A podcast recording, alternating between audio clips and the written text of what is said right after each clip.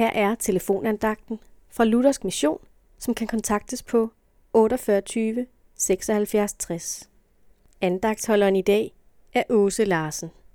Jesus siger i Matthæus evangeliet kapitel 11, vers 28, Kom til mig, alle I, som slider jer trætte og bærer tunge byrder, og jeg vil give jer hvile. Den tungeste byrde er al vores synd, vi ser i os selv, når vi får lov at se vort liv i Guds lys. Alt det, vi anklages for i vores samvittighed, vores ulydighed, vores svigten. I Esajas bog, kapitel 43, vers 25, siger Jesus, Det er mig, kun mig, der sletter dine overtrædelser, for min egen skyld husker jeg ikke på dine sønder. Jesus, som bar vores synd på korset og sonede den med sit eget blod, bar i sandhed den tungeste byrde af alle.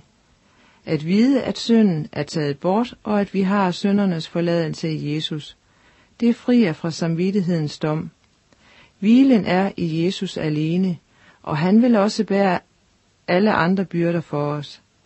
Her på vor vandring møder vi lidelse, hvileløshed og angstfuldhed. Jesus vil bære os igennem alt det svære. Han vil gå med os.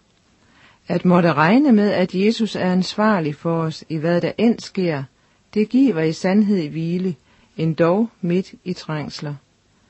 Den dag kommer, da Jesus vil hente os hjem til sig, som tror på ham som vor frelser. Der vil han, som der står i Johannes åbenbaring, kapitel 21, vers 4, tørre hver tårer af deres øjne, og døden skal ikke være mere, ej heller sorg, ej heller skrig, ej heller pine skal være mere. Til det, der var før, er forsvundet. Amen.